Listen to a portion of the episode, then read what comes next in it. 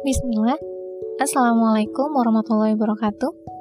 Sudah tidak asing lagi bagi publik mengenai teori triple helix, yakni kolaborasi pemerintah, universitas, dan industri. Akankah pendidikan tinggi hanya menjadi pabrik menghasilkan para pekerja untuk kepentingan korporasi? Sebuah tulisan opini yang terbit di Muslimah News yang ditulis oleh Rindianti Septiana, Sarjana Hubungan Internasional yang berjudul Triple Helix Pendidikan Tinggi, Kolaborasi Menuju Sekularisasi. Pelaksana tugas Deputi Bidang Pembangunan Manusia Masyarakat dan Kebudayaan Kementerian PPN atau Bapenas Subandi Sarjoko dalam webinar Pendidikan Tinggi di Masa Depan menguraikan ada empat isu strategis pendidikan tinggi yang membutuhkan intervensi kebijakan. Pertama, pemerataan akses ke perguruan tinggi yang berkualitas, seperti yang terjadi saat ini di Jawa Timur antara Surabaya dan Pulau Madura mengalami perbedaan dalam pemerataan akses pendidikan tinggi. Padahal terjadi persoalan dalam peningkatan indeks pembangunan manusia. Oleh karenanya, pemerintah menilai mengatasinya dengan segera melakukan pemerataan. Kedua, sumber data manusia yakni lulusan perguruan tinggi yang berkualitas. Ketiga, penguatan tata kelola dana perguruan tinggi. Dan yang keempat, peningkatan daya saing pendidikan tinggi. Empat tantangan ini merupakan hasil identifikasi paruh waktu RPJMN 2020 sampai 2024. Proses penyusunan rancangan tersebut dibutuhkan partisipasi, sinergisitas, dan koordinasi yang kuat dari pemangku kepentingan. Dengan adanya kolaborasi, diharapkan dapat berkontribusi dalam perumusan perancangan pendidikan tinggi hingga 20 tahun ke depan. Dilansir dari Republika 18 Oktober 2022. Uraian empat isu strategis pendidikan tinggi di atas merupakan target pemerintah untuk mendongkrak kualitas pendidikan tinggi di Indonesia. Namun, tampaknya cita-cita memperbaiki kualitas pendidikan negeri sangat mengharapkan adanya para kapitalis sebagai penyokong dana dan penyedia lapangan pekerjaan untuk lulusan perguruan tinggi. Sudah tidak asing lagi bagi publik mengenai teori triple helix – yakni kolaborasi pemerintah, universitas, dan industri. Jika demikian, apakah pendidikan tinggi akan berkualitas dan terjadi pemerataan akses? Atau justru pendidikan tinggi hanya akan menjadi pabrik menghasilkan para pekerja untuk kepentingan korporasi? Siap menjadi pemikir yang berkepribadian sekuler. Triple Helix Pendidikan Tinggi Teori triple helix pertama kali diungkapkan oleh Henry Edskowitz dan triple helix pertama kali diungkapkan oleh Henry Edskowitz dan Lloyd Leydesdorff pada 1990-an. Publikasi mereka berjudul The Triple Helix University Industries Government Relation, a Laboratory Knowledge Basic Economic Development. Pemerintah sebagai pembuat kebijakan universitas sebagai pusat pengembangan penelitian, dan industri sebagai penyedia kebutuhan layanan masyarakat untuk mencapai tujuan bersama. Kolaborasi antara ketiganya terus dikencarkan untuk meraih tujuan pendidikan berkualitas di perguruan tinggi. Kemendikbudristek pun membentuk Ditjen Pendidikan Vokasi yang membawahi salah satunya Direktorat Kemitraan dan Penyelarasan Dunia Usaha dan Dunia Industri. Hal ini sejalan dengan yang disampaikan Wapres Ma'ruf Amin pada April lalu. Kolaborasi antara pemerintah, dunia industri, dan dunia usaha harus dibangun dan diperkuat sehingga mampu menciptakan ekosistem yang ideal bagi tumbuhnya bibit-bibit talenta nasional. Dilansir dari Kompas 10 April 2022. Lalu, bagaimana menjawab poin ketiga, isu strategis pendidikan tinggi terkait penguatan tata kelola pendanaan perguruan tinggi Mengingat sektor pendidikan tinggi Indonesia saat ini masih kurang pendanaan atau underfunded. Sementara itu, jumlah perguruan tinggi sekitar 3.900-an dan jumlah mahasiswa yang terus bertambah setiap tahunnya mencapai 8,9 juta. Tentu hal ini sangat berpengaruh pada sistem pendanaannya. Sepertinya di sinilah korporasi akan menawarkan bantuan dana kepada pemerintah untuk menyokong dana perguruan tinggi.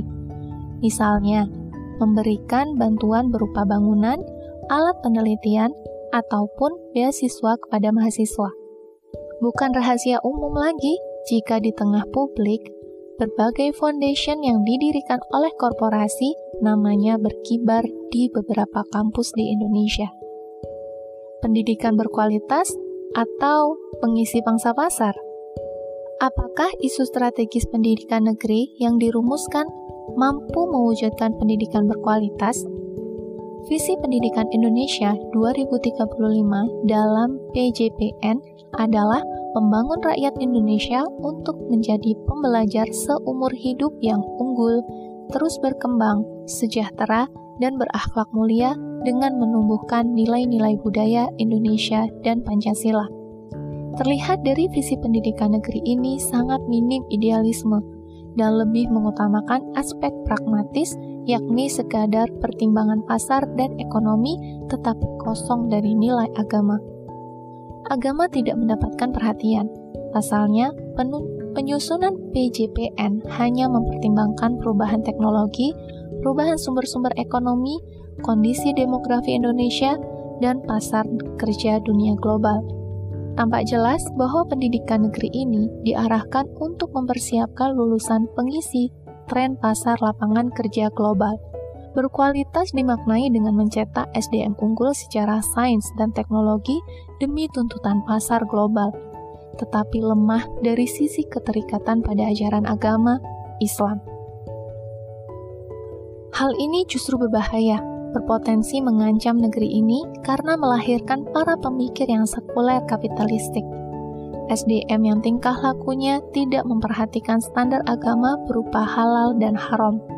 Walhasil, pendidikan tinggi hanya menjadi pabrik yang menyiapkan pengisi pangsa pasar, jauh dari kualitas yang diharapkan untuk meningkatkan indeks pembangunan manusia yang berkepribadian Islam dan berkontribusi untuk kemaslahatan bangsa.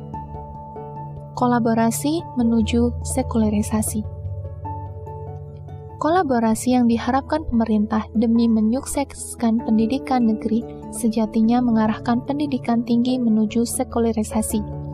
Hal ini sangat berbahaya karena sebab sekularisme lahir dari kapitalisme dan memunculkan para pelajar yang mengerdilkan bahkan menihilkan Tuhan. Sungguh merupakan malapetaka bagi masa depan bangsa tidak ada alasan kuat untuk mempertahankan sistem pendidikan sekuler yang diterapkan negeri ini. Harus berubah haluan dan menggantinya dengan sistem pendidikan Islam. Pemahaman terhadap agama sangat penting dimiliki oleh pelajar. Selain penguasaan sains dan teknologi, agama berperan penting dalam pembentukan pola pikir dan pola sikap seseorang. Publik bisa melihat banyaknya para koruptor yang merusak negeri ini mereka merupakan orang berpendidikan bahkan menguasai sains dan teknologi.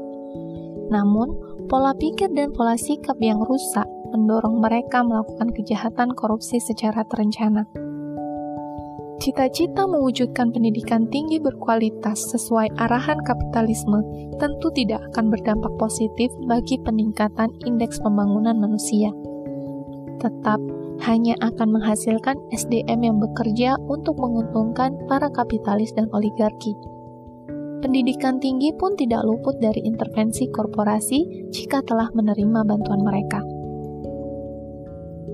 Khotimah Pendidikan Islam membentuk kepribadian para pelajar, di antaranya menanamkan keimanan pada pelajar.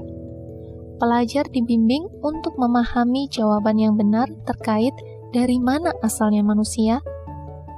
Dengan memahami hakikat penciptaan manusia, akan menghantarkan mereka pada keimanan atas keberadaan Sang Pencipta. Hingga mereka paham bahwa sebagai hamba Allah, mereka harus beribadah dan tunduk patuh terhadap syariatnya. Negara juga menjamin akses pendidikan pada semua warga negara secara cuma-cuma, tetapi tetap berkualitas yang akhirnya menghasilkan masyarakat yang kukuh dan sejahtera. Hal ini bukan cerita dongeng, melainkan telah terbukti pada masa kegemilangan Islam. Pendanaan pendidikan dalam khilafah diambil dari harta kepemilikan umum yang dan diperoleh dari zakat mal, yaitu ternak, pertanian, perdagangan, emas, dan perak. Pos-pos ini mengalirkan harta baitul mal karena bertumpu pada sektor produktif. Harta baitul mal juga selalu mengalir karena tidak terjerat utang riba. Dengan demikian, kemandirian lembaga pendidikan dapat terjaga dan potensi penutupan kebutuhan anggaran pendidikan dari korporasi dapat dihindari. Jika pemangku kebijakan sungguh-sungguh ingin mewujudkan pendidikan tinggi berkualitas, adanya pemerataan akses serta memiliki topangan dana yang kuat, satu-satunya cara ialah dengan cara menegakkan khilafah khilafah telah terbukti berhasil mencetak para pelajar menjadi ilmuwan yang bermanfaat dan unggul dalam berbagai bidang. Sekian, terima kasih. Assalamualaikum warahmatullahi wabarakatuh.